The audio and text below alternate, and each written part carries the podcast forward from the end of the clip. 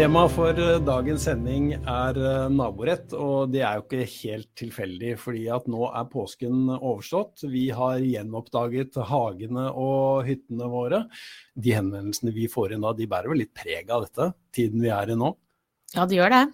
Katrine Hagen Finnerud og Thomas Nygaard er to av Helps advokater som eh, jobber med fast eiendom. og Det betyr at eh, hvis du har et spørsmål om eh, naboforhold, om plan og bygg eller andre temaer som har med fast eiendom å gjøre, så kan dere to være blant de advokatene du møter da. De sakene som kommer inn nå, Thomas, hva, hva kan det være? Det favner jo veldig bredt, så er alt mulig innenfor fast eiendom. Men akkurat akkurat nå så er det litt høysesong for eh, de sakene som dreier seg om f.eks. trær, hekker, eh, støy, den type ting. Eh, folk, ting som folk irriterer seg over når de kommer ut i hagen. Og når du sier trær og hekker og støy, så er jo dette ofte spørsmål, Katrine, som har ganske Altså Det ligger jo mye skjønn og subjektive oppfatninger av hva som er en for høy hekk, f.eks. Hvordan angriper du uh, disse sakene når de kommer inn til deg? Ja, Det finnes jo ikke noe meter- eller centimetersvar på det spørsmålet. Uh, det er jo et, vurdering som må gjøres. Uh, og det kommer jo an på øyet som ser. Noen liker trær, noen hater trær. Noen liker høye hekker, noen vil ikke ha hekk i det hele tatt. Noen syns tui er vakkert, noen vil ikke ha det i det hele tatt. Uh, og, og, det blir jo et vurderings, uh, spørsmål som må vurderes. Man må jo se på saken fra ulike sider. Mm. Uh, det er legitimt å ønske å skjerme seg mot innsyn, men det er også legitimt å ønske sol og utsikt. Jeg tenker at Når noen tar kontakt med oss, så er det noe av det viktigste er å først begynne å se på hva, hva er egentlig egen rettsstilling. Altså, har du en sterk sak? Altså, hvilke regler er det som gjelder? Informere litt om det. Um, se på de konkrete forholdene. Hvordan stiller det seg? Og jeg tror at i, særlig i disse nabosakene så gjør man uh, lurt å prøve å, å dempe konfliktnivået mest mulig. Ikke lurt å, å, sende noe brev fra advokat selv om man har tatt kontakt med, med oss. Det bør uh, være siste utvei, egentlig. Um, så fortelle litt om, om, hva som gjelder, sånn at man har det i bakhodet. Og selvfølgelig, altså, alltid rådet er å snakke med naboen, og noen ganger så er det lettere sagt enn gjort. Men det å, å snakke sammen, eventuelt finne noen som kan mekle, hvis det, hvis det blir nødvendig. Mm. Eh, og Mekling er også en del av eh, advokatforsikringen du har gjennom eh, LO Favør. Eh, den dekker også mekling, og det skal vi komme tilbake til. Men eh, dette er ganske vanskelige saker å manøvrere i for dere som advokater også, er det ikke det? Fordi at, eh, hvor, altså, Katrine, hvor mye tenker du på at eh, jeg jo skal sannsynligvis bo ved siden av naboen min i årene som kommer også. Ja, og det er jo det avgjørende her. Når man snakker om naboforhold og uenigheter eller problemstillinger mellom naboer, ja. så er det jo et, et vedvarende eh, samliv eller et forhold som skal fortsette etterpå. Eh, og, og, det gir jo problemstillingen eh, et annet perspektiv da, enn om du kjøper en bil og bilen ikke fungerer. Du behøver ikke ha noe forhold til bilselgeren, men naboen må du ha et forhold til. Mm. Så det, det, gjør jo at man bør finne fram til gode løsninger. Det, det er ikke alltid at det juridiske gir eh, en god løsning. Eh, noen ganger gjør det det, men det er ikke alltid. Og det hender også at det juridiske tar for eh, få hensyn. Eh, man må legge inn i potten at man skal se, kunne tåle synet av naboen og se naboen hver dag når man går inn og ut av døra. Det er heldigvis de færreste som, som eh, ønsker seg nabokrangel. Altså, det, det, har mye å si for trivsel at man eh, ikke kvier seg for å, å møte naboen over gjerdet. Ja, dette er en dyrekjøpt hobby for, for mange, viser seg over tid. Men um, av de som uh, tar kontakt med dere uh, med en sak, hvor mange av de er i konflikt allerede, i forhold til de som hm, bare lurer på om eh, de har en sak? Det er litt vanskelig å si. Jeg vil si at mange tar heldigvis kontakt tidlig, før irritasjonen har bygd seg opp så mye at man har begynt å krangle med naboen. Og det, det tror jeg kan være en fordel, bare for å, som, som jeg sa i stad, eh, undersøke litt hva er egentlig hva er det som gjelder her. Mm. Eh, hva sier loven? så er det litt ikke nødvendigvis så lett å, å, å si noe om heller, for det er skjønnsmessige temaer. Men, men, det er også noen som tar kontakt etter at det, at det har tilspisset seg. Mm. Eh, og da kan det være mer naturlig også å se på, på mulighetene for, for, å mekle. Men det er vel da sånn at hvis jeg, ut fra det dere sier, det, eh, så er det sjelden lurt at det første som skjer mellom meg og naboen min, er at det går et brev fra min advokat. Ja. Det er som regel veldig dumt, for det, det, er egentlig bare egnet til å heve konfliktnivået.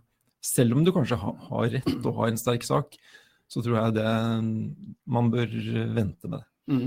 Det vi ser er jo at uansett om jeg er hyggelig og høflig i brevet, så oppleves det aggressivt mm. at uh, naboen som første henvendelse henvender seg via advokat. Mange reagerer på det, så bare spør, spør, hvorfor har du ikke snakket med meg først, da. Mm. Eh, eh, altså, vi får en del eh, konkrete spørsmål, eh, og du var så vidt inne på det, Katrine. Hvor høy kan en hekk være? Det er det flere som lurer på, og det er det altså ikke mulig å svare på, eller? Jo, hvis vi går konkret og sier, eh, snakker om naboloven, da. Eh, så vil det jo være et svar avhengig av om hekken står i grensen, ja. som et grenseskille. Da er vi grannegjerdelova. Eh, eller om vi snakker om en hekk som står kanskje fire meter inn på plenen og allikevel er veldig høy og skaper mye skygge for naboen. For hekker som er grenseskillende elementer, som står akkurat i, i grenselinjen, og som står der istedenfor et gjerde f.eks., mm. der er det egentlig ikke noen konkrete høydebegrensninger. Og så er det sånn at det har festet seg et lite en oppfatning av at eh, hekker ikke kan være høyere enn to meter. Nemlig. Og det er ikke, det er ikke helt presist eller riktig, egentlig. Nei. Um, det var det jeg ville fram til, så det ja. kan man heller ikke forholde seg til, altså.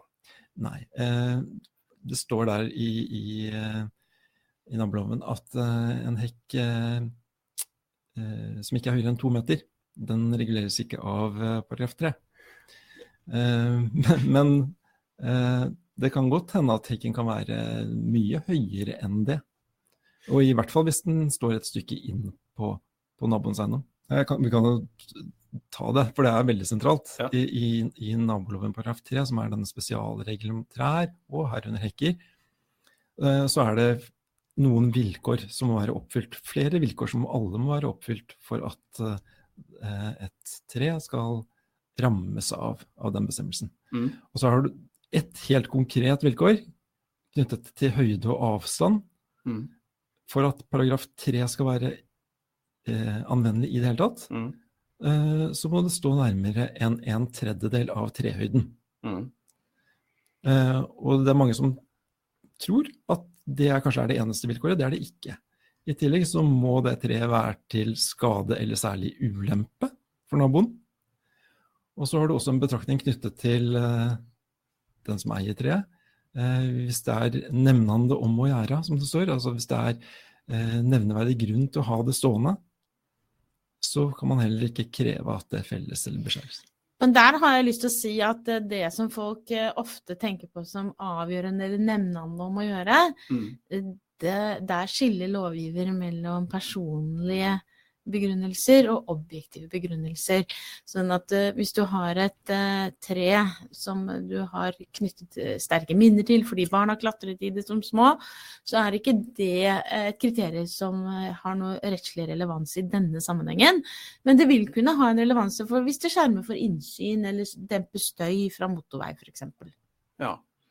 Men et tre da som er fire meter høyt og som står eh, under en meter fra gjerdet, det kan rammes av eh, denne bestemmelsen nummer tre som du var innom. Det konkrete vilkåret, mm. avstandsvilkåret, høyde, det er oppfylt. Og så må man se på, på, om det treet er til skade eller særlig ulempe for naboen, mm. og om det er noen spesiell grunn til å ha det stående. Skjermer det for innsyn? Er det, er det et vakkert gammelt tre? Da skal det mer til for å, å få gjort noe med det.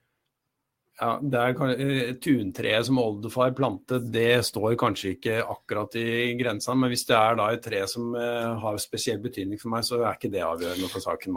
Nei, men det at det har en spesiell betydning for eiendommen, eller en funksjon for eiendommen, kan mm. være viktig. Og så er det uh, viktig å ta med at det er ikke det at det er et gammelt, flott tre som har en, en eh, pryd altså som, som, gjør eiendommen vakrere, mm. det vil kunne være relevant.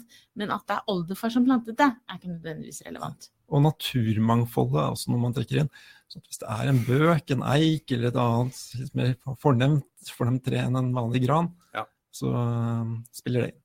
Ja, ok. Ehm, da har vi gått ganske eh, detaljert til verks på trehøyder og avstand til eh, gjerdet. Eh, jeg gjentar at hvis du som ser på har konkrete spørsmål i forhold til din eiendom, og du, er, og du har eller forhør advokatforsikring, så nøl ikke med å ta kontakt. For det er vanskelig å si akkurat hvordan det vil bli i din sak, uten å gå nærmere inn på den.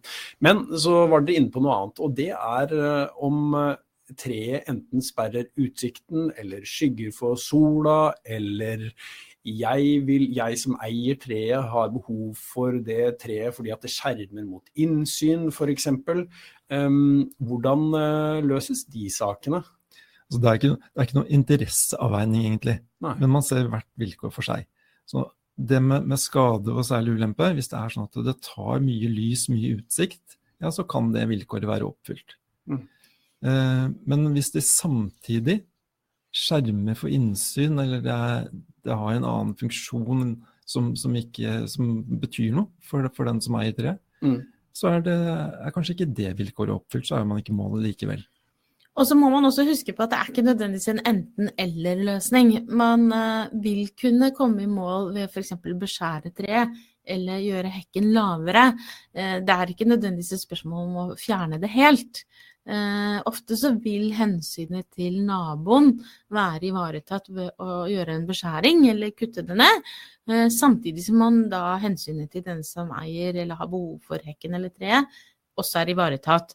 Eh, sånn at eh, veldig ofte så vil kanskje tålegrensen for eh, hva man kan akseptere etter naboloven, være ivaretatt ved å gjøre en delvis lemping på tilstanden, eller endring av tilstanden. Mm. Det skal ned til tålegrensen, så hvis en hekk er eh, fire meter høy, så kan det hende at eh, bare trenger å tas ned til tre meter, f.eks. Ja, så Resultatet vil sjelden være da, Hvis eh, det skulle gå så galt at dette må løses i retten, så vil resultatet sjelden være at hele treet skal fjernes. Det vil heller, eh, En løsning vil bli at det skal beskjæres. Noen, noen trær lar seg jo ikke beskjære. Altså, det blir ødelagt eller det blir veldig stygt. Så er, Da kan det hende at felling eller ikke felling er de alternativene man har. Mm. Så hender det jo at eh, man får spørsmål om hm, men hva om det skjer noe med treet slik at det dør? Eh, det kan det jo hende. Men altså, vi skal i hvert fall ikke råde noen til å, hva skal vi si, eh, sørge for at vegetasjonen vegetasjon forsvinner. Nei, det kan jo være straffbart. Ja. Eller altså, det er jo straffbart å, å drive skadeverk. Selvtekt. Ja, selvtekt er ikke lov, og det å ødelegge noe på en annen manns eiendom ja, Skadeverk. Ja, det er både, kan være erstatningsbetingende og være straffbart. Eh, men det er klart at det hender jo at uh, flotte trær får dårlig rotfeste. Mm. Det hender at trærne blir farlige. og da kan det, hvis det er sånn at en som er skogkyndig, sier at de trærne her, de står der, Her er det en risiko for at de vil kunne falle og gjøre skade. Hvis det er en del av saken, så har man nok et godt kort på hånden for at det blir gjort noe, i hvert fall. Så er det sånn at man har rett til å eh, Det skal vel lite til før man kan eh, fjerne kvister og røtter som stikker inn over på egen eiendom. Mm. Men du må si ifra først. Eller varsle. når det gjelder greiene. Ja. Varsle naboen. Mm. Nemlig. Um, ja. Uh, og så nevnte vi at uh, det som er leit med sånne saker hvis de ender i domstolene, det er jo at uh, da er det gjerne en som kåres til vinner, og en som taper saken. Uh, om å betale sakskostnader og slikt. Um, og dette er naboforhold, og det gjør det litt spesielt, fordi man skal gjerne fortsette å ha et forhold til naboen i år fremover. Og da er, finnes det jo andre løsninger, heldigvis, da, og det er mekling. Eh, og hva vil dere si er fordelen med mekling? Ja, det er mange. Eh, for det første så er det jo en prosess du eh, er med på å styre selv. Mm. Eh, Hvis du ender eh, for domstolene, så har du ingen styring over prosessen, og du har ingen styring over resultatet. Og i tillegg til det så er det nok mye større rom for at man under mekling uh, får gi utløp for frustrasjon, sinner og emosjoner, da. Uh, og det er jo da forhold som dommeren overhodet ikke har tenkt å bry seg om eh, i saken. Sånn at jeg tror for veldig mange så er det jo det det handler om Mm. få gitt uttrykk for hvorfor dette har vært vanskelig for dem, og hva som er vanskelig. Eh, og så tror jeg det er veldig viktig Jeg tror det er lettere å akseptere et resultat som man har vært med på å skape selv, enn et resultat som blir tredd nedover hodet på en. Og dermed så har man ofte mer å gi i en meklingssituasjon enn om man kom til samme resultat eh, i en tingrett. Da. Ja. Det er ikke alltid så lett å gjette seg til hva naboen tenker heller. Ehm, og det kan hende at eh, konflikten bunner i noe annet enn det man egentlig tror. Mm. Eh, det er sånt som kan komme til uttrykk gjennom, gjennom mekling. Mm. Men uansett, det glemte vi vel å si i stad, at jeg tror at når man ser på egen rettsstilling og, og hvor står jeg og hva kan jeg kreve, prøv også å speile situasjonen. Altså, hvorfor er dette viktig for naboen, og hva, hva, hva tror vi er, er grunnen til at han ikke vil gå med på dette her? Mm. Eh, det er alltid, alltid lurt å prøve, prøve å, å, å speile det. Dere som ser på er flinke til å stille spørsmål. og F.eks. så er det en som spør om uh, hvis det er et tre som er så høyt at hvis dette blåser ned, så kommer det til å treffe og ødelegge huset mitt. Kan det være et moment som taler mot at det treet skal få stå der det står?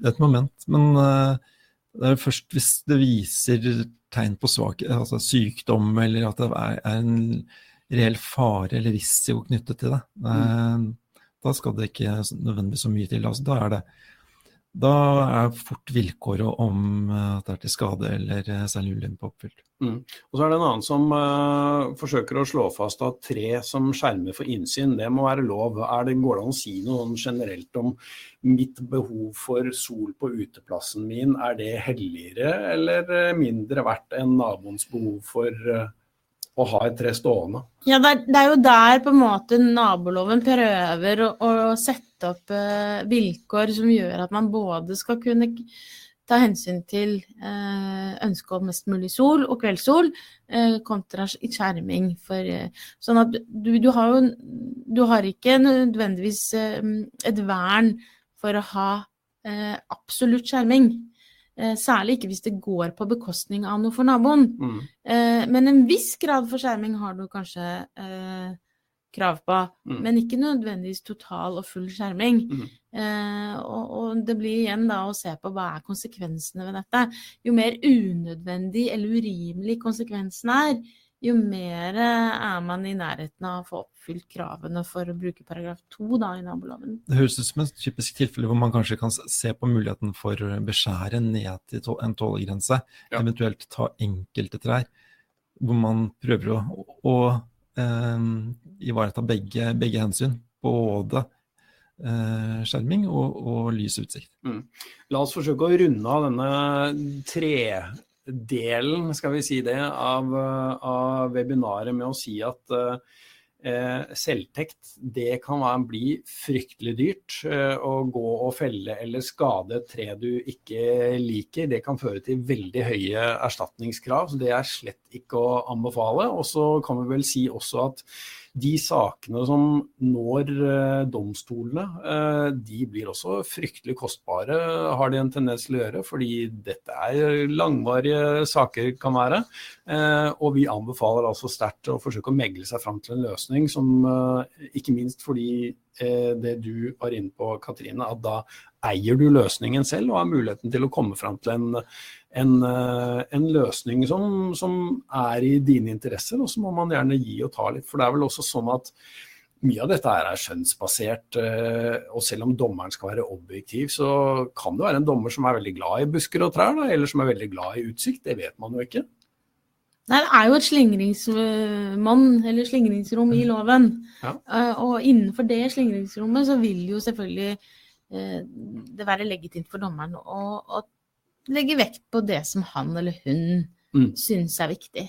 Ja, Dere, Vi skal skifte tema, fordi det er, eh, det er også et spørsmål om støy. Og da er eh, husdyr ofte sentralt. Det er en som spør om eh, hva han skal gjøre, fordi han har en nabo som har en hund som uler og bjeffer hele dagen lang. Kan, hva kan jeg gjøre? Jeg har prøvd å snakke med naboen, men ingenting skjer. Og dette er irriterende, det kan man forstå. Ja, det forstår jeg veldig godt. Eh, det første jeg vil svare da, er jo eh, spørre hva, hvor er det du bor hen? Bor du i et uh, eierseksjonssameie eller borettslag, så er det jo naturlig å, å, i og for seg snakke med naboen, men også ta det opp med styret og be om hjelp derfra. Mens hvis du, hvis du bor i, på en selvstendig eiendom, så er det naturlig, og da, da har du ikke den, et styre å henvende deg til. Og da blir det jo da å kanskje komme med eh, kanskje komme med noen forslag til løsninger. Mm. Eh, kanskje det ikke er nødvendig at denne hunden står i hundegård hele dagen. Kanskje denne hunden kan få en luftordning. Eh, prøve å finne på praktiske løsninger. For det juridiske vil ikke nødvendigvis være svaret her. Eh, fordi du kan ikke si til hunden at du må slutte å bjeffe. Eh, for det er ikke lov å bjeffe så mye. Når du har den ute, da. Så det er jo naboloven paragraf 2 som er den generelle tålegrensen som, som eh, regulerer dette også. Eh, og det kan gå en grense for hvor lenge den hunden kan stå. Og, og hvis det er en hund som bjeffer veldig mye, så, så, så kan det rammes av, av naboloven paragraf 2 hvis man ikke tar den inn eh, på kvelden f.eks., eller tidlig nok på kvelden. Og så kan man kanskje også altså Det kan jo være så ille at man kan ta kontakt med politiet og se på, på om dette kan være noen strid med noen politivedtekter også, kanskje i ytterste konsekvens, hvis det er virkelig ille. Men uh, dette uh, høres ut som krever uh, hva skal vi si, dokumentasjon på at dette har pågått over lang tid osv. Da snakker vi ikke om uker, men da snakker vi heller om år, er det sånn? Ja, både, nei, altså er det ille nok, så behøver det jo ikke ha pågått så lenge. Men, men, det er jo også litt spørsmål om på hvilken tid av døgnet er det. Ikke sant? Og hvem er naboen som er misfornøyd? Mm. Er naboen som er misfornøyd en pensjonist som er hjemme hele tiden? Eh, så, så, må man på en måte også si at ok, men noe støy må du tåle på dagtid. Mm. Eh, hører han det når han er inne, eller hun? Mm. Eller hører de det bare ute? Eh, er det på kveldstid og natterstid, så blir terskelen lavere. Absolutt. Så det blir på en måte som alt, mulig annet støy, arbeidsstøy og barn som leker og, og den type ting også. Um... Men jeg tror veldig på å prøve å se løsninger og hjelpe naboen til å se løsninger. Tror jeg er viktig i de sakene der. Så kommer det an på hva er påregnelig i det nabolaget. Altså, er det sånn at det er store hager hvor, hvor det er naturlig å ha hunden gående ute, så, så må man kanskje tåle litt mer. Mm. Det høres ut som eh, det er slik at hvis du har bosatt deg i nærheten av andre mennesker, så må du tåle en viss grad av støy, er det sånn? Ja, det er jo sånn. Og, sær, og mer hvis du bor i et villastrøk enn i et uh, sameie eller borettslag? Jo tettere du bor, jo, jo, mer må du ta hensyn til naboene rundt deg. Ja. Det er jo sånn. Og apropos det, så er det også flere som stiller spørsmål. Altså, I et borettslag eller et sameie så er det jo gjerne tett mellom terrassene. Terrasser er et kapittel for seg i og for seg. Jeg tror nesten vi kunne hatt et eget webinar om terrasser. Men levegger er jo også et uh, kapittel. Er det noen regler for utforming og estetikk og høyder, og er det mulig å si noe generelt om det?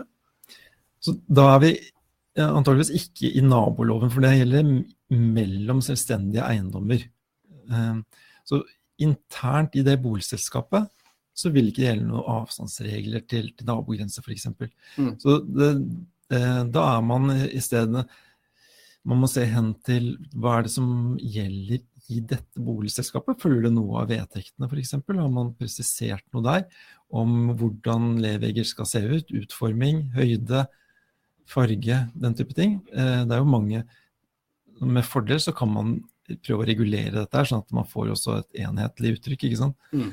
Um, men uh, hvis man ikke har den type mer detaljerte regler som styret følger opp, så, så vil det uansett være en tålegrense også her. Så man har jo lignende regler i eierseksjonsloven, i borettslagsloven, som bygger på, på en måte, over samme lest da, som naboloven. Mm. Ja, og så må man også huske på at uh, i de sakene der så er det tosporet system. Du må sjekke med boligselskapet og eventuelt styret og vedtektene i boligselskapet. Mm. Men så må du også ha en side til plan- og bygningsetaten i den kommunen du bor i. For det kan være at uh, veldig ofte hører jeg ja, ja, men dette er lov å sette opp etter plan- og bygningslovens regler uten å søke. Ja, så fint, da slipper du å søke plan- og bygningsloven, men det kan likevel være du må søke styret i borettslaget. Og omvendt, det kan være vedtektene sier at disse tingene får du lov å gjøre uten å søke styret i borettslaget, ja. men at du allikevel må søke Eh, kommunen, mm. fordi reguleringsplanen sier at man må søke. Så man må ha, eh, huske på eh, å sjekke begge deler. Ja, og Der er vi inne på noe skille mellom private rettslige regler og offentlige rettslige regler. Eh, og eh, mellom naboer så er det jo egentlig bare private rettslige regler som gjelder. Men så kan det absolutt offentlige rettslige regler også spille inn, og ikke da minst plan- og bygningsloven. Og det, mange av de nabokonfliktene vi ser, mm. eh, det gjelder egentlig tiltak etter plan- og bygningsloven.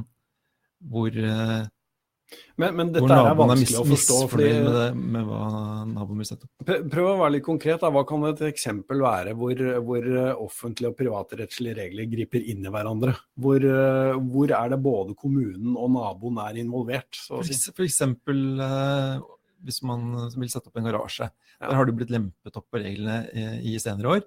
Sånn at uh, mindre garasjer kan veldig ofte settes opp uten søknad. Det er unntatt søknadsplikt etter plan- og bygningsloven. Og man trenger bare å si fra til kommunen etter at man har, har satt den opp. Er det da men, sånn men, mindre enn 50 kvadratmeter osv.? Ja. Og så lenge det står minst en meter fra nabo osv. Og, så høyde innenfor. Hva med nabovarsel da, da? Trenger jeg det? Det trenger man ikke. Nei. Eh, men privatrettslig så kan plasseringen ha noe å si. Så det kan jo hende at der hvor du, man velger å sette den garasjen, det er akkurat der naboen har utsikt til sjøen, f.eks. Ja. Eh, så selv om det er unntatt søknadsplikt og for så vidt fritt fram etter plan- og bygningsloven, så kan det rammes av naboloven paragraf 2, akkurat der kan du ikke plassere en garasje. Det vil være til urimelig ulempe for naboen som mister utsikten sin. Ja, altså de, de, fleste ønsker jo ikke å legge seg ut verken med kommunen eller naboen. Så hvis jeg nå Sanner-garasjen heter vel disse her eh, byggene under 50 kvm som man skulle sette opp eh, enklere uten å, uten å, søke. Men hvis det da er sånn at eh, naboen har en interesse av, eh, eller kan ha en interesse av hvor jeg plasserer den garasjen, hvordan bør jeg gå fram egentlig for at dette skal gjøres riktig da? Hvis man ser at dette her kan påvirke naboen, så bør man jo absolutt ta det opp på forhånd. Ja. Og så si hva man har tenkt å gjøre, og har dere noen innspill? Sånn at det ikke kommer eh, plutselig Det hender jo at noen kommer hjem fra ferie, og der står det en garasje. Mm. Men jeg er sikker på at uh, noen av dere som ser på da, tenker at uh, ja, men hvis jeg spør naboen, så kan det være at dette kan ta vinter og vår, fordi at det er ikke sikkert at vi blir enige om nøyaktig plassering osv. Hvordan løser vi det da? Men det er jo ikke sikkert at uh, naboen Altså hvis du ikke trenger å søke, og, og, du har flere alternativer, så er det jo lurt å prøve å plassere det på en sånn måte at det er mest mulig til gunst for naboen. Mm. Eh, men hvis du kun har ett alternativ, eh, og du spør naboen, og naboen sier nei, så er det jo ikke sånn at, du, altså at det er avgjørende. Du trenger ikke nødvendigvis en tillatelse fra naboen. Eh, og jo færre alternativer du har, eh, jo viktig, altså, så jo viktigere er det, da. Eh, men er det mulig å ta hensyn til, eh, til naboen når det egentlig ikke spiller noen rolle for deg, mm. så vil hensyn til naboen være tyngre. Der er du inne på et av de sentrale elementene i naboloven paragraf 2, som vi hele tiden snakker om, fordi ja. det, er, det, er, den sentrale bestemmelsen. Eh, den viser til om noe er urimelig eller uturvende, som det står i loven, unødig. Så hvis du har alternativer så, så, skal det mindre til før, før eh, det rammes av naboloven. Mm. Nemlig. Um, det kommer inn uh, mange spørsmål. Dere er flinke til å stille spørsmål. Vi rekker ikke å svare på alle. Nå har vi vært litt inne på trær og hekker og levegger. Uh, terrasser er det en del som spør om. Skal vi ta det også? Vi har så vidt vært inne på det. Må man søke om å bygge en terrasse? Ja, det kommer helt an på. Nemlig. Mm. Hva kommer Det også på? blitt, der er det også blitt lempet i det siste. Ja. Så eh, det kan eh, i, i større grad bygges uten at eh, eller oppføres uten at det er søknadspliktig. Men og for naboer da, så er det, det gjelder fortsatt det generelle avstandskravet, som, som normalt er fire meter til nabogrense. Og så kommer det jo an på, hvis man snakker om et uh, utegulv som uh, bygges helt ned på bakken, Platting. en slags platting, så er det ikke sikkert det er søknadsplikt i det hele tatt. Eh, og da er det jo ikke noe å spørre naboen om i utgangspunktet, etter plan- og bygningsloven. Mm. Eh, men hvis man må da f.eks. bygge det opp på stolpe fordi det er et eh, vanskelig terreng, så kan det være det er søknadspliktig om man da kommer inn i firemetersregelen til grensen. Eh, og det kan også være regulert spesielt. altså Veldig mange eh, hyttekommuner jo, har jo hyttebebyggelse ganske nærme sjøen. Og der har jo kommunene i, større og større grad ønsket å, å bevare eh, naturen og, regulert området. Og da vil til og med et eh, utegulv som ligger på bakken kunne være noe som i utgangspunktet man ikke får lov til, og, man må søke om. Mm. Særlig i vernede områder eller vernesoner, da. Ja, og da er jo også et, eh, et eh, spørsmål som eh, vender tilbake, om det er lettere å få tilgivelse enn tillatelse. For hvis det viser seg at jeg bygger noe, og så viser seg at ah, dette var jo søknadspliktig, vil jeg straffes da for å søke i ettertid? Jeg vil i hvert fall si det sånn at jeg ville aldri oppfordre noen til å bygge ulovlig og satse på tilgivelse istedenfor tillatelse. Eh, nå er det nok eh, en del ulovligheter, som vi kaller det, eh, som kommunen verken har tid eller råd til å bry seg om. Så det er nok en del som har gjort ulovligheter som, som man vil slippe unna med. Mm. Men det er viktig å huske på at det er ikke noe foreldelsesfrist for såkalte kommunale ulovligheter. Så kommunen kan ta tak i dette selv om det har gått ti år. Eh, Og så ser vi jo en trend i- rundt om i kommunene på at eh, kommunen ser mer alvorlig på denne type forhold. Og krever eh, i hvert fall søknad. Og, og, og, er utgangspunktet at du ikke har lov, så må du søke dispensasjon. Og det har du ikke noe krav på å få. Nei. Så, så jeg ville absolutt spu, altså sjekket grundig først, for det kan bli dyrt å ikke gjøre det. Nemlig. Eh, Det er folk som følger med her. Eh, Det var noen som reagerte på eh, at en terrasse må ligge minst fire meter fra nabogrensen. Nå skal vi bare gjenta det. Altså, byggegrensene de kan følge av reguleringsplan, og da kan det være noe annet. Men normalt så, så er det eh, avstandskravet fire meter. Og så har det blitt lempet på hva som er unntatt søknadsplikten. Så normalt så kan du nå oppføre en terrasse fire meter ut fra husveggen. Mm. Um, men det vil jo være et, hvis det er et søknadspliktig tiltak i utgangspunktet, så, så, så gjelder fortsatt avstandskravet mot naboen. Mm. Og så igjen, da, så er jo ikke da et utegulv eller en platting nødvendigvis en terrasse. Så det er ikke gitt at det er en s- Nei, vi snakker om to forskjellige ting. Ja. Mm. Platting er annerledes. Eh, I eh, forskjellige sammenhenger her nå så har, det også, um, så har også nabogrensene eller tomtegrensene vært nevnt. Og det kan man jo være enig eller uenig om. Blant annet så er det en som spør her om at eh, em, naboen og jeg er enige om hvor grensene skal gå. Det er bare det at dette stemmer ikke overens med de kartene som finnes. Hva gjør vi med det? Da, kan man, da vil jeg si at man kan gå til kommunen.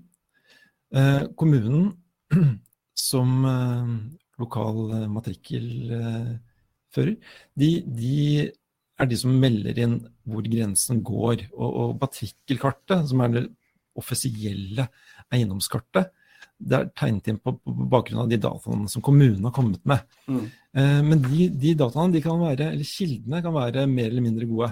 Mm. Så det kan godt hende at de grensene som fremkommer av matrikkelkortet, er feil eller ikke stemmer overens med hva man selv mener er riktig. Mm. Hvis naboene er enige, som i det tilfellet her, så ligger alt til rette for at man kan oppnå den grensen man mener er riktig, gjennom å gå til kommunen og så be om grensefastsetting, en kommunal forretning, eh, hvor, hvor man sier at fra nå av så eh, Grensene har kanskje vært uklare, men fra nå av så, så mener vi at grensen skal gå her. Da kan eh, kommunen og landmåler der eh, måle inn det og få det inn i offisielle kart. Ja, og dette er ikke noe veldig kostbar affære heller å få gjort. Kommunalt gebyr eh, ja. knyttet til hvert punkt og, og grenselengde. Ja, eh, Det er flere av de spørsmålene som kommer inn her som tyder på at eh, det er ikke så lett som i dette tilfellet eh, i alle naboforhold. For det er jo det vi var inne på nå, det er jo hvor du og naboen er enige om hvor grensene skal gå. Men så er det de tilfellene hvor naboen og jeg ikke blir enige. Og hvilke muligheter har vi da til å få fastlagt en gang for alle hvor går disse grensene hen egentlig? Da er det, det vi klart anbefaler da, er å gå til jordskifteretten. Hvis man har en uklar grense, trenger ikke være omtvistet heller, så om man ikke blir enige om hvor den skal gå, så kan jordskifteretten bestemme det. De vil da gå til kildene og prøve å rekonstruere hvor er det grensen mest sannsynlig går. Ja. Så, man, så, blir det fastslått ved dom, og de måler opp, og det kommer inn i, i kartene. Men en ting som jeg har lyst til å si noe om, og det er da betydningen av kart. Uh, ja. Og det er uh, sånn at vi har jo mange forskjellige typer kart. Historisk sett så har vi hatt kart, økonomiske kart hos kommunen, vi har matrikkelkartet. Og, og, ønsket er jo at matrikkelkartet i størst mulig grad skal gi uttrykk for uh, det som både faktisk og rettslig er riktig. Eh, men veldig ofte så er det feil det som står i matrikkelkortet. Og da er det ikke sånn at man kan utlede rett, eller få en rett man egentlig ikke har, bare fordi det står i matrikkelkortet. Uh, håpet er jo at, man, uh, at matrikkelkartet skal vise mest mulig det sanne bildet. Men ofte så står det en linje feil. og det behøver ikke ha avgjørende betydning hvis både du og naboen er enige om at grensen egentlig går et annet sted men matrikkelkartet sier noe annet, så kan det typisk være kanskje et flyfoto en gang i tiden som har mm. gitt et feil linje på et kommunekart, som da har kommet på matrikkelkartet. Og da er det sånn som Thomas sa, at da er det ikke bare å ringe til kommunen og si dette er feil. Da må man faktisk be om eller rekvirere, som man kaller det. Det er bare en fancy måte å si be om en forretning som gjør at man får offisielt satt ned en ny grenselinje. Jeg tror nok matrikkelkartet i seg selv kan være en kilde til mange nabokonflikter. Fordi når det har blitt lettere tilgjengelig på internett, man går inn på en nettside som heter seeiendom.no, mm. Eh, så det er mange som går inn der, og så ser de ah, det uthuset til naboen. Det ser ut som det står på min tomt. Mm. Um, og, men, og, og, de får vi masse henvendelser om. Den type ting. Uh, og da, det jeg pleier å si, er at er vi sikre på at det står inne på din tomt? Fordi de grenselinjene som står i matrikkelkartet, de trenger ikke være riktige. Og de er angitt med ulike grader av sikre, hvor sikre de er, med fargekoder. Og når man ser også dette uthuset fra, fra over, ovenfra, uh, så får man med takutstikk, f.eks. Så det er jo ikke gitt at det faktisk står inne på, på naboens eiendom. Eh, gjør de det likevel, så kan det hende at det har helt legitime grunner til å stå der. At man har blitt enige om det. Avtale. Det kan være stiftet rett gjennom hevd. Og det kan være andre måter å løse på. Det er ikke sånn at man, den som har eh, hjørnet av, av uthuset til, til naboen inn på sin eiendom, kan uten videre bare kreve det fjernet eller flyttet. Nei, så altså det var jo vi var inne på det i stad i forbindelse med hva skal vi si, justering av eh, grener og sånt på trær, at man må varsle naboen. Hvis jeg går på seeiendom.no, så ser jeg at naboens uthus står litt inn på min eiendom. Da kan ikke jeg bare varsle naboen om at her blir det en her blir det litt saging hvis ikke du flytter det uthuset innen tre uker? Nei, det kan man ikke gjøre. Det var en som prøvde seg på det på Nesøya en gang, og det gikk ikke så bra. Nei. Um, der eh, mest sannsynlig så vil det uthuset kunne bli stående. Der er det også en egen eh, bestemmelse i naboloven for øvrig. Eh, mm. Altså hvis ikke noen har gjort dette her med vilje, det har blitt, det har blitt sånn. Mm. og da, da, kan uansett om man ikke klarer å bli enig om å justere grenser eller løse det på annen måte, så vil antageligvis det kunne bli stående, eventuelt mot et lite vederlag. Ja, nemlig fordi at jeg som da føler meg rettsløs fordi at naboens uthus som jeg ikke vil ha på min eiendom, det står da litt inn på min eiendom. Løsningen på det blir at jeg får en form for erstatning, da. Det kan det bli. Eh, ofte så vil jeg først sett på muligheten for å, for ta en grensejustering. Hvor man eh, blir enige om å kanskje eh, gi og ta litt, eh, sånn at ingen av eiendommene egentlig blir mindre. Men hvor grenselinjen Eh, legges om litt, sånn at det, det hjørnet da blir liggende på, på uh, eierens eiendom. Mm. Og så er det jo ikke sant, det er også forskjell på uthus som har stått sånn til alle tider og, og vært sånn lenge, kontra at naboen uh, en, uh, en helg hvor du er borte, smeller opp et, et, uthus og setter det litt sånn halvveis inn på plenen din i det siste tilfellet så er det jo lettere å få, få flytta ja. enn om det har stått sånn eh, lenge og man kanskje spurte for 50 år siden og fikk lov til å sette det opp der. Mm. Dere, tida går. Vi uh, har får inn mange spørsmål. Uh, et spørsmål går på altså Det er noen som er veldig løsningsorienterte. Da, så løsningsorienterte at de bare tenker at ah, kan ikke naboen jeg bare flytte litt på disse grenseboltene så vi får det slik vi ønsker det? Ikke, ikke, gjør det. Nei, ikke gjør det. Ikke gjør det. Involver kommunen. Ja. Mm. Det er ikke lov. Eh, det er vel faktisk straffbart mm. å flytte på boltene. Ok, da skal man ikke gjøre det. Men så var vi inne på dette her, altså, og dette er vanskelig å forstå. Så hvis du har eh, en sak som handler om liksom grensen mellom nabokonflikt og, og, og, en diskusjon med kommunen om, om, eh, plan- og bygningsrett, så kontakt oss gjerne. Det er min eh, anbefaling. Ja, for Det er vanskelig å svare veldig konkret på, på spørsmål som kommer inn, uten at vi har fått hele faktum. Mm. Uh, vi ser jo grundig på hver enkelt sak, går inn på kart og, og, undersøker. Noen ganger så må man til og med ha naboens synspunkter for å få det hele bildet. Uh, og vi, vi, eh, tar både små og store saker, så både det å gi råd om en, en rettsstilling, eller eventuelt eh, ta saken videre. Det, alt, alt, vil være dekket av forsikringen. Ja. Og Så skal jeg forsøke å sørge for at vi får med noen spørsmål til uh, før vi gir oss uh, her i dag. Jeg skal prøve å lese parallelt mens vi snakker sammen. Men f.eks. så er det en del som spør om flere faktisk som spør om, uh, og dette er et typisk uh, område hvor det fortettes, uh, bystrøk, hvor det er gitt byggetillatelse til å bygge la oss si en firemannsbolig eller kanskje noe enda større i, i nærheten. Og så opplever du at ja, der jeg hadde kveldssol før, det kommer nå til å havne i skyggen av dette byggverket som det er gitt tillatelse til å bygge, faktisk. Eh, og da har du, eh, Thomas, vært inne på at eh, jaha, vi har en nabolov som sier at det skal ikke skje noe som er urimelig til ulempe for meg på naboens eh, eiendom. Eh, og dette opplever jeg både trist og leit. Betyr det at hvis kommunen har gitt tillatelse til å bygge noe på min eh, nabos eiendom, så kan det fortsatt rammes av naboloven fordi det går utover meg? Nei, det skal mye til, altså. Eh, og her høres det ut som det er påregnelig fortetting og i tråd med reguleringsplan. Da skal det veldig mye til. Så det er der hvor eh, noe plasseres akkurat der hvor det er til mest mulig ulempe for meg. Ja. Ja, og, og, og, hvor man har alternativer. Ja, og, og, så kan man jo på en måte Ofte så vil jo svaret her være at er det regulert er, er det bygget i tråd med reguleringsplan, så vil det sjelden være i strid med naboloven. Og så har du noen sånne litt sære eksempler knyttet til flyplassutbygging og sånne ting, hvor du har da liksom Du driver grisefarm, da, og så er det veldig mye støy at det da kan være i siden med laboloven, selv om det er i tråd med reguleringsplan. Men, men det er sjelden og, og, det med å ha utsikt og, og kveldssol, det er ikke en menneskerett.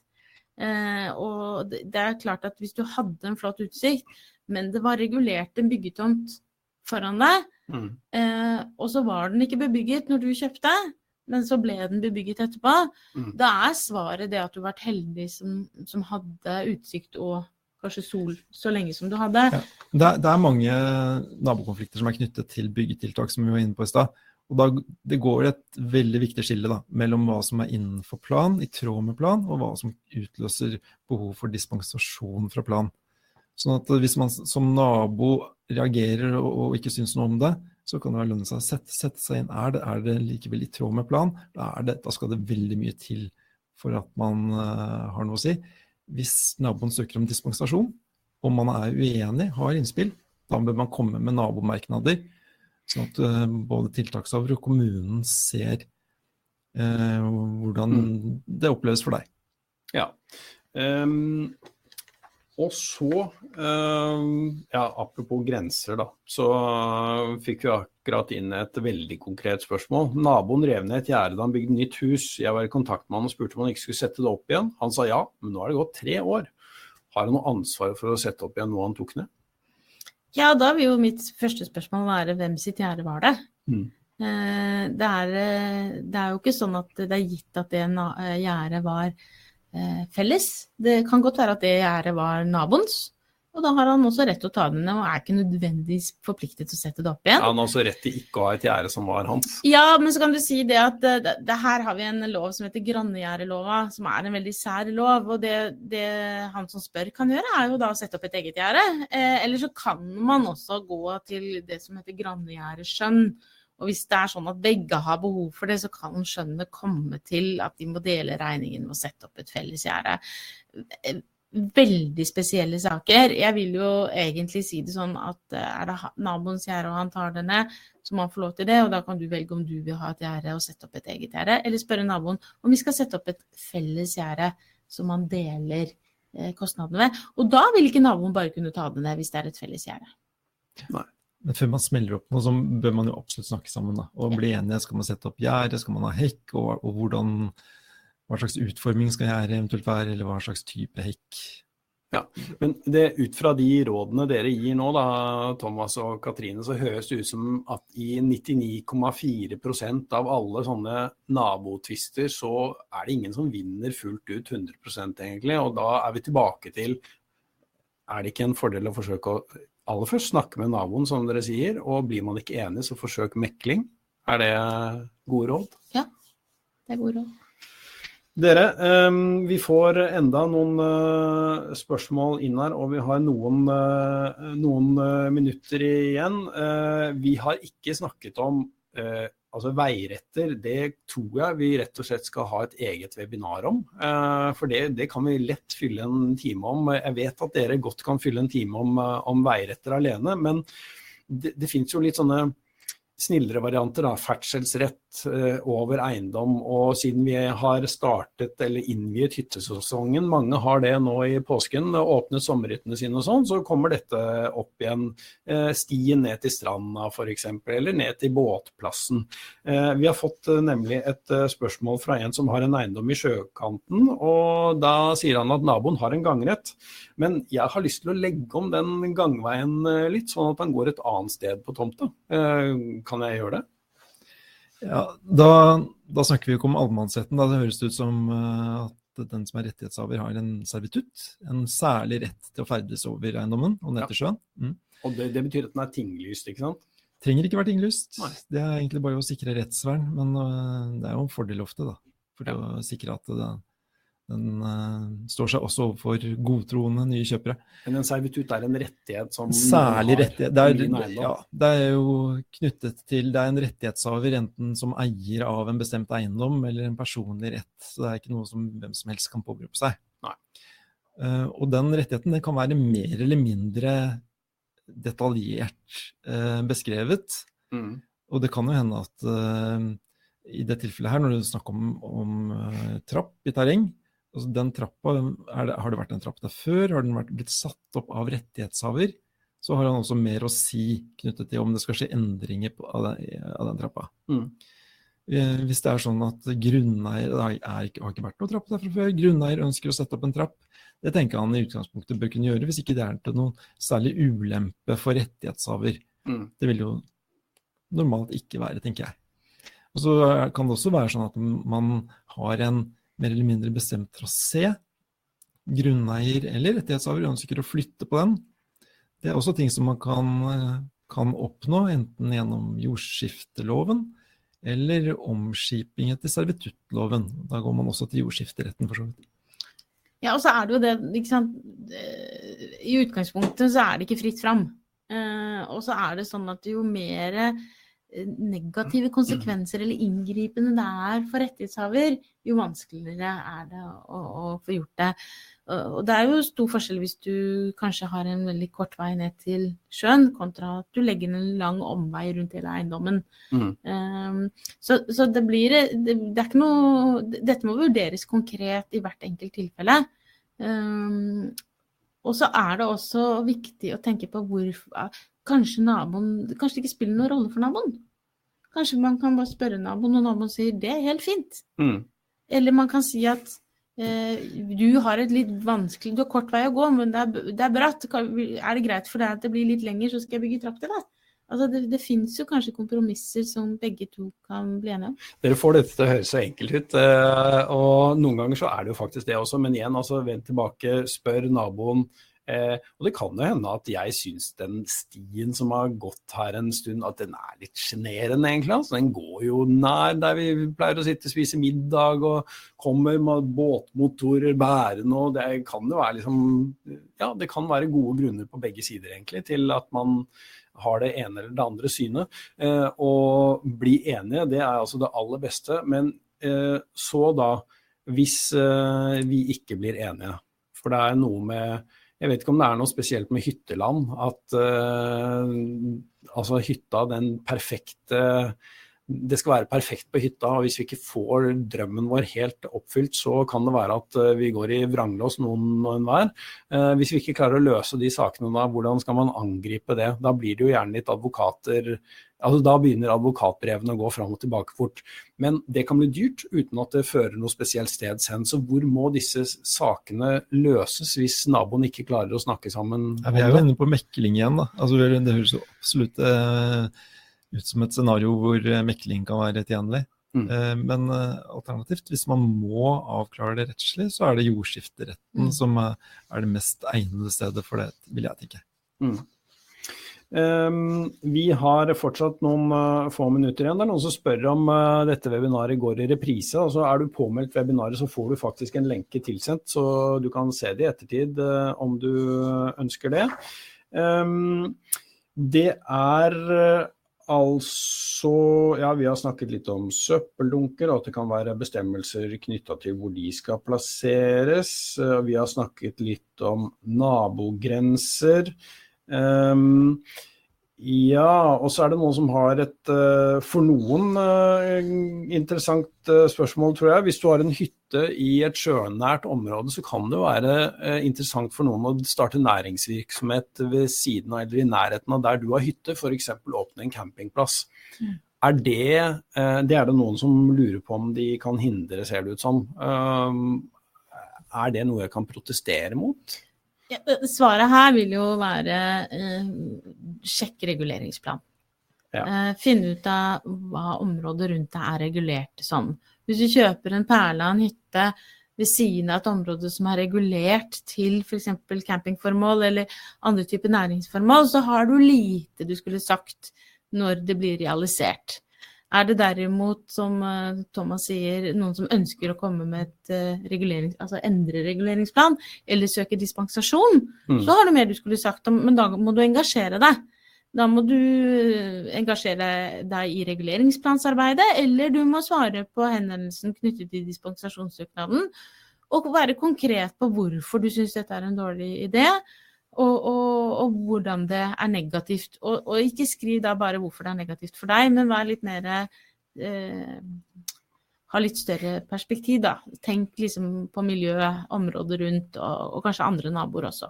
Ja, og her tenker jeg at en advokat kan være til god hjelp, fordi at uh, det handler jo ofte om å sortere hvilke argumenter som har betydning for en sak, og hvilke som kanskje uh, kommunen eller andre ikke vil uh, legge så stor vekt på. Absolutt. Så da kan det være vel verdt å ta en telefon og, og snakke litt med en advokat, om du har LO-favør advokatforsikring.